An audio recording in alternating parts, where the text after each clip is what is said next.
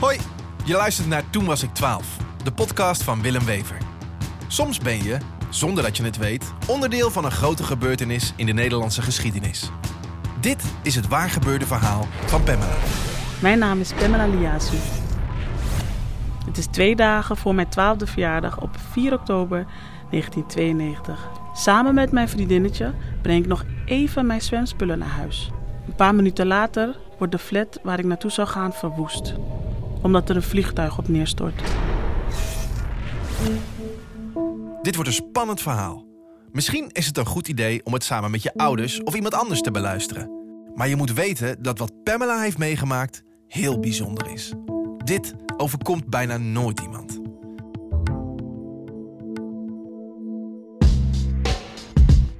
Voor Pamela is het een zondag zoals er zoveel zijn geweest. Eh, overdag was ik gaan zwemmen. Met mijn, best, met mijn beste vriendinnetje deden we meestal op zondag. Gingen we zwemmen en eh, het was meestal gewoon een speeldag. Pamela is 11 jaar en speelt veel buiten. Er zijn grasvelden en speeltuinen, er is een tennisbaan en een meer. En de glijbaan onder het station is ook populair. Die noemen ze de grote glijbaan. Omdat we klein waren natuurlijk, dus ja, dat is heel groot voor ons. Pamela woont in de Amsterdamse wijk De Bijlmer. Een wijk met heel veel flats. Hoge flats, allemaal tot 10 hoog. En je had er een paar die waren echt meen ik, 20 hoog. Daar gingen we ook wel eens stiekem eh, helemaal naar boven. Want ze hadden zo'n glazen brug. Dus eh, dat vonden, en ik, heb hoogtevrees hoor. Maar ja, alsnog, hè, je moet stoer doen. Je hoort er, erbij horen. Dus, eh, En de wijk heeft dus een zwembad. Daar gaat Pamela samen met haar beste vriendin Bernice, die woont onder haar in de flat, die zondag zwemmen. het is echt een soort meeting point. Je weet van, oh, kom je volgende week weer? Want ja, ja we hadden geen Google en, eh, en Messenger en dat soort dingen. Dus ja, je moest gewoon elkaar afspreken. En dan zei hij, kom je volgende week weer? Ja hoor. En dan eh, ja, gingen we gewoon zwemmen. En aan het eind van de dag is het tijd om naar huis te gaan. Goh, ik, die dag heb ik het wel, heb het wel vrij laat gemaakt. Terwijl Pamela het zwembad verlaat en op weg naar huis gaat, stijgt er op Schiphol een vliegtuig op van de Israëlische maatschappij El Al. Spirit 943, climb now flight level 310. Niemand maakt zich nog ergens zorgen over. Ook Pamela en Bernice niet. Die hebben heel andere zaken te bespreken. We liepen toen samen naar huis. Maar toen kreeg zij de ingeving van... hé, hey, laten we even bij mijn andere beste vriendinnetje Susie gaan. Susie woonde in een flat eh, die Kruidberg heet. Tussen eh, mijn huis en eh, haar huis, van Susie dan, zaten twee flats tussen. Maar ik wist van mijn moeder, mijn moeder leerde me altijd van... kom eerst thuis, waar je ook bent geweest, of je naar een feestje bent geweest, van school... Je mag misschien buiten spelen, misschien. Maar je moet wel eerst gewoon thuiskomen, je melden, zeg maar. En dan mag je weer weg. Dus ik, omdat ik dat wist, zei ik ook tegen haar van laten we eerst naar huis gaan. Ook onze natte spullen thuis zetten. En dan kunnen we naar Susie. Maar Bernice wil helemaal niet meteen naar huis. Ze wil naar Suzy. Maar eh, nee, ik was het er niet mee eens. Want ik weet dat ik flinke pak slaag zou krijgen als ik dat niet zou doen. Dus ik dacht, nee, we gaan eerst naar huis. En die beslissing om eerst haar zwemspullen naar huis te brengen, zal Pamela haar leven redden. Hello 1862, mayday, mayday. We have another- Kilometers verderop gaat er bij het vliegtuig inmiddels iets heel erg mis. Roger, we have fire on engine number, number 3. We have Er breken twee motoren van het vliegtuig af.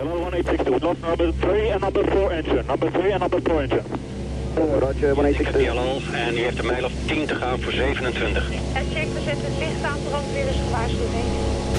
Het vliegtuig begint aan een bocht om terug te keren naar Schiphol. Hij zit dik, dik, dik in de problemen, nou ook met zijn controls. De broer van Pamela is op datzelfde moment vlakbij hun flat aan het tennissen. Hij was op de tennisbaan die echt net achter de eh, flat is bij het politiebureau. En hij, hij zag dat echt een vliegtuig heel erg laag vloog. En hij dacht dat het op Gansenhoef neer zou storten, dus op het winkelcentrum. Want het is een groot plein daar. Hij dacht, en hij zag het echt naar beneden komen. Maar op een gegeven moment zei hij zag het weer omhoog gaan. En hij stond eigenlijk een beetje ja, verstijfd ernaar te kijken. En op een gegeven moment rende hij wel naar huis. Het vliegtuig is onbestuurbaar geworden en vliegt precies boven de Bijlmer, de wijk waar Pamela woont.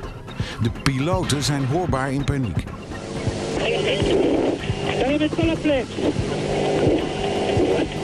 את כל הפלט סתרים. Going down, uh, 1862. Going down, going down, going, going down. Going down wordt er gezegd. We gaan neerstorten.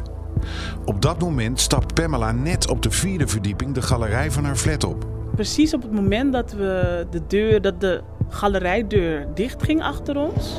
Want ik weet nog precies, het was bij het eerste huis.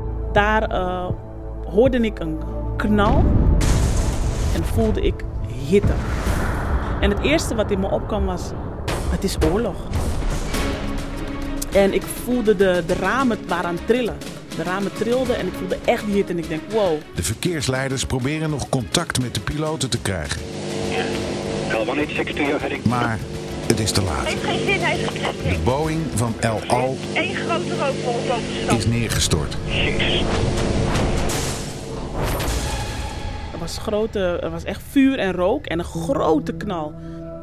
Uh, en ik meen dat Benice wel had had, eh, eh, erachter kwam van het is een vliegtuig. Ja. En we kwamen dus binnen en meteen dacht mama, mama, mama, mama, een vliegtuig is neergestort. Dus mijn moeder trok twee verschillende slippers aan en die rende gewoon met, met de rotgang rende uit huis en die was weg. En daar zaten wij binnen, niet wetende wat te doen en gillen en ja, radeloos eigenlijk. Voor Pamela begint dan een nacht van grote onzekerheid. Ik weet, ik heb een paar vrienden van mijn klas die, die woonden daar. Dus ik dacht al meteen van, leven de mensen, leven de kinderen van mijn klas nog? Wie zijn het? En het vervelende was, pas de volgende ochtend op school zou je misschien iets te horen krijgen. Want dat weet je ook niet meteen. Dus er was gewoon echt een, een, een ja, radeloos en, en paniek en angst. Heel veel mensen horen pas van de vliegramp Ik meen dat Studio Sport op de televisie was op dat moment. omdat de zondaguitzending van Studio Sport ervoor wordt onderbroken. 14-9. Ja. We onderbreken deze uitzending voor een extra nieuwsuitzending. Bij ons aan tafel is eh, aangeschoven Gijs Wanders. Gijs. Ja, om kwart voor zeven vanavond is er een Boeing 747, een vrachttoestel van El Al, neergestort op de Bijlmermeer. Eh, het toestel heeft zich in de flat de Kruidberg geboord en er zou sprake zijn van eh, tientallen doden. De flat staat eh, in brand. Er is sprake van een enorme chaos op dit moment eh, in de Bijlmer. Dat bleek eh, de flat Kruidberg te zijn. De flat waar wij dus eigenlijk naartoe zouden gaan eh, om Susie eh, te gaan bezoeken en haar zusje Lisandra. En daar zijn tien verdiepingen als een kaartenhuis ineengezakt. De grootste vliegramp ooit in Nederland. Die En ehm, ik hoorde echt eh, ook, ook eh, eh, ehm, alarmgeluiden natuurlijk, zwaailichten. En sommige mensen schreeuwen. Ik hoorde ook wel echt mensen schreeuwen. En huilen. Dat is eh, ja, een hele bedroefde sfeer meteen. Buiten, ik, zou, ik hoor een zip en plotseling een grote klap. Die hele flat die is, of die hoek die is gewoon helemaal eh, eruit geslagen. Er waren mensen aan het schreeuwen en kinderen en zo, iedereen in paniek.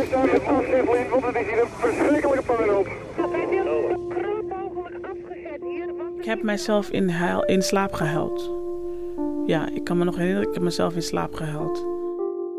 Terwijl Pamela op haar kamertje op vier hoog probeert te slapen, rent haar moeder naar de rampplek. Ze is verpleegster en wil gaan helpen. Het eerste was heel veel rook wat ze zag. En ook de rooklucht natuurlijk. Rook en vuur. eh, gillende mensen, paniek, huilen. En ehm, mensen die echt aan het lopen, ronddwalen waren. Ze waren echt even de kluts kwijt. Wisten niet wat ze moesten doen, waar ze het moesten zoeken. En uiteraard mensen die, die gewoon naar andere mensen zochten. Dat, is, eh, dat zijn de dingen die ze daar aantrof. Ik weet dat ze nog specifiek zei dat er een brandweerman zijn eh, helft af- afnam, op de grond ging zitten, begon te huilen en zei: Dit is de laatste keer dat ik dit werk doe. Pamela's moeder blijft de hele nacht mensen helpen die worden opgevangen in de sporthal. Het aantal gewonden en vermisten is heel groot. De volgende ochtend was het school, schooldag. Maandag, ja. Maandag schooldag. En ehm, Pamela is natuurlijk bezorgd. Want hoe is het met haar vrienden en vriendinnen? heel veel spanning. En eh, ja, iedereen was aan het roezemoesen. Iedereen was van, ja, weet, je, weet je wie of weet je wat, weet je waar. je- Toen ik op school kwam, heb ik meteen gekeken of er lege stoelen waren. Ik keek niet eens naar eh, per se gezichten, maar gewoon lege stoelen. Zodat als ik weet dat er een lege stoel is, dan ga ik vragen of kijken wie is degene die op die stoel zou moeten zitten. En daarna, toen ik zag dat er in de klas eh, iedereen ongedeerd was, toen ging ik naar andere klassen, ging hij naar andere klassen kijken en dergelijke. Op de school van Pamela is iedereen die maandagochtend gelukkig in de klas verscheen. Ik was wel heel erg opgelucht. Maar ja, dat vriendinnetje waar ze na het zwemmen naartoe zouden gaan, zit niet bij Pamela op school. Ja, het is in de flat van Susie gebeurd en ehm, daar is het minder goed afgelopen. Uh, Benice, want natuurlijk kon ik haar ook pas na school spreken. En um, toen wij dus elkaar ontmoetten, was zij uh, in tranen. Was zij heel, heel erg verdrietig. En toen zei ze ook gewoon, Susie is overleden. En toen zei ze Lisandra ook, dat is haar zusje. Dus maar Susie en Lisandra, die plek was dus leeg, die plekken waren leeg. Het zijn van die, ik denk van, je weet gewoon, ze komt niet meer terug. Ja, dit gebeurde twee dagen voor mijn twaalfde verjaardag. Twee dagen later zou ik twaalf jaar worden. Maar ik heb dat niet gevierd. Ik heb dat helemaal niet gevierd. Ik kan me niet veel van die dag herinneren dan dat ik gewoon verdrietig was.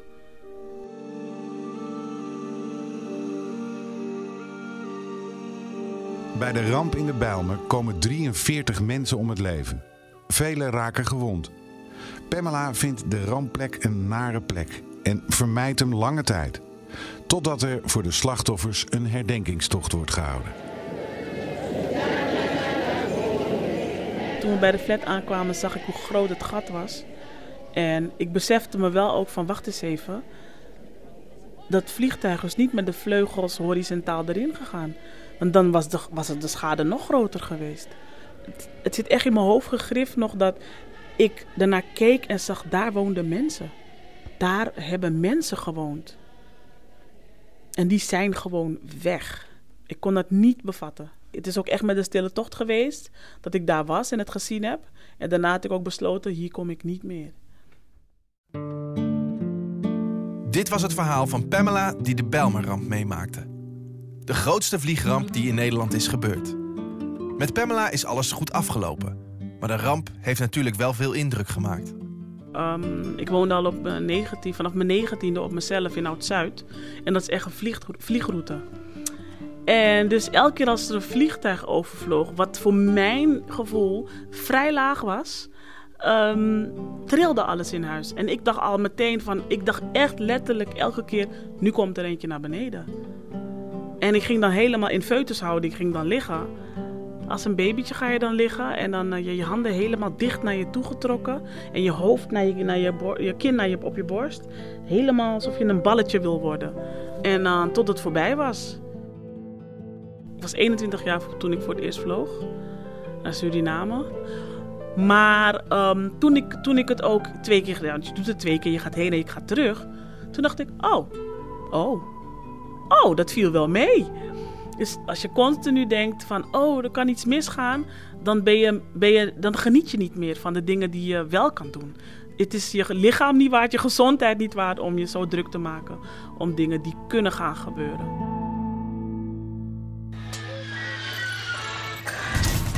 Dit was de podcast Toen was ik 12 van Willem Wever.